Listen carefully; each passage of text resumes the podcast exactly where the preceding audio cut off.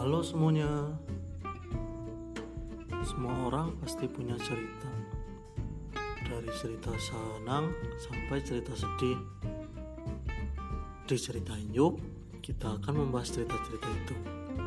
Kalau kalian ingin bercerita, boleh kok tinggal kirim aja lewat DM Instagram.